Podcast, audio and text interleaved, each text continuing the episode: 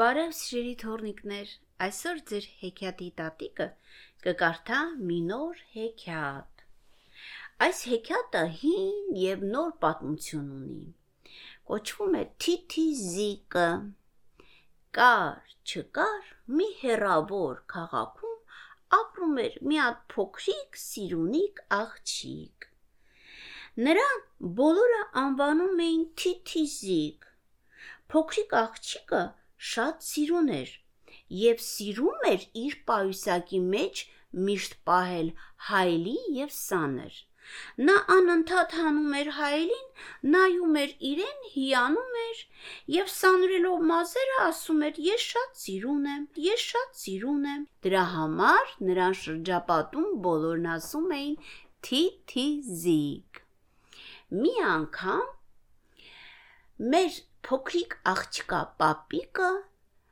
ծննդյան օրը նվիրում է մի մեծ մեծ կոնֆետ։ Մեր փոքրիկ թիթիզիկը կոնֆետը դնում է իր պայուսակի մեջ եւ գնում է անտառ։ Անտառով գնալով ճանապարհին երգում է.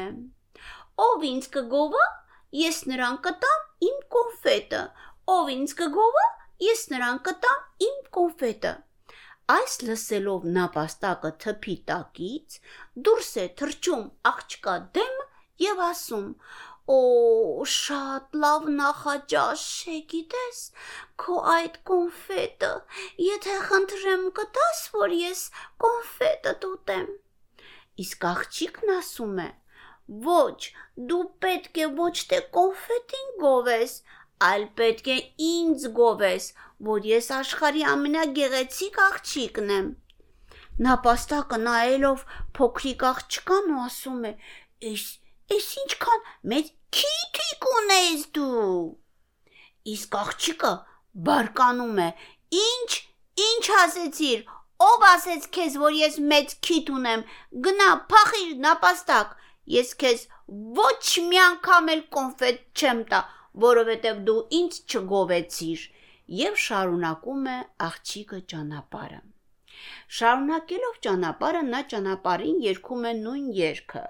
Ով ինձ կգովա, նա կստանա իմ կոնֆետը։ Ով ինձ կգովա, նա կստանա իմ կոնֆետը։ Այսպես երգելով գնում է, մեկ էլ հանկարծ դեմը դուրս է գալիս մի մեծ արջ։ Արջն ասում է. Օ, էս ինչ անուշ քաղցր հոտ է գալիս։ Երևի դու կոնֆետ ունես։ Այո, արջ եղբայր, ես կոնֆետ ունեմ։ Իսկ դու կգովես ինձ։ Արջը նայելով աղջկան ասում է. «Վայ, ես ինչ մեծ են քո ականջները եւ շատ տգեղ են քո մազերը»։ Աղջիկը բարկանում է. «Ինչ? Ինչ ես ասում»։ Ես քեզ ոչ մի կոնֆետ էլ չեմ տա, քանի որ դու ինձ չգովացիր։ Չէ որ ես աշխարհի ամենագեղեցիկ աղջիկն եմ։ Արջը զարմանում է, ասում է. ոնց թե կոնֆետը չես տալիս։ Այո, գնա, փախիր, ես քեզ կոնֆետ չեմ տալու։ Աղջիկը շարունակում է ճանապարհը։ Գնում է, գնում, ճանապարհին երգում է. ով ինձ կգովա, նրան կտամ այս կոնֆետը, ով ինձ կգովա, նրան կտամ իմ կոնֆետը, լսում է վերևից ագրավը։ Իջնում է աղջկա մոտ եւ ասում. Հարյուր տարի է ես ապրում եմ, բայց քո նման փոքր աչքեր չեմ տեսել։ Աղջիկը բարկանում է.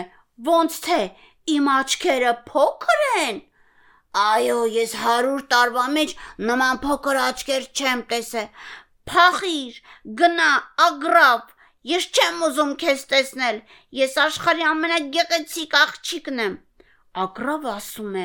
Այ քեզ թիթի աղջիկ, չի էլ սпасում մի բան էլ մենք ասենք։ Եվ աղջիկը բարկանում կոնֆետը չի տալիս։ Աղջիկը շարունակում է ճանապարհը։ Ագրավը լինելով շատ խելացի, մտածում է ոնց անեն, որ կոնֆետը ուտեն։ Նապաստակին արջին կանչում է ագրավը եւ ասում.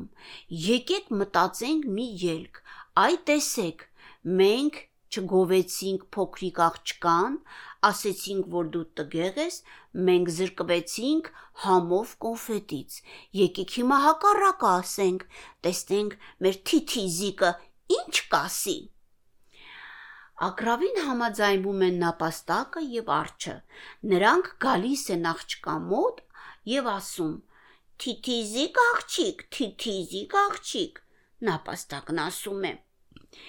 Իս ինչ փոքրիկ քիթիկ ունես։ Աղջիկն ուրախանում է։ Օ, ճիշտ ես ասում։ Ես իրոք փոքրիկ քիթիկ ունեմ։ Տես ես ինչ գեղեցիկ եմ։ Արջն այնտեղից ասում է. Էս ինչ փոքրիկ ականջներ ունես եւ գեղեցիկ մազեր։ Աղջիկն ավելի ուրախան, ճիշտ ես ասում, արջ եղբայր, ես իրոք փոքրիկ ականջներ ունեմ։ Իսկ ագրավը այնտեղ կանգնած ասում է, գիտես, ես 100 տարվա մեջ այսքան գեղեցիկ ու մեծ աչքեր չեմ տեսել։ Միայն դու ես, որ ունես այդքան գեղեցիկ աչքեր։ Թիթիզ աղջիկն ուրախանում է եւ ուրախությունից կոնֆետը հանում ու ասում. Ես հիմա այս կոնֆետը կբաժանեմ 3 մասի՝ մի քիչ նապաստակին, մի քիչ արջուկին, մի քիչ էլ ագրավին։ Մինչ աղջիկը կմտածեր, կոնֆետը 3 մասի բաժաներ, ագրավը հաֆանում ու տանում է կոնֆետը։ Երբ որ կոնֆետը տանում է, Արջը եւ նապաստակը աչքերները խոշոր հարած նայում են, ասում են. «Այ քեզ դավաճան ագրավ»։ Իսկ ագրավը վերևից գոռում է.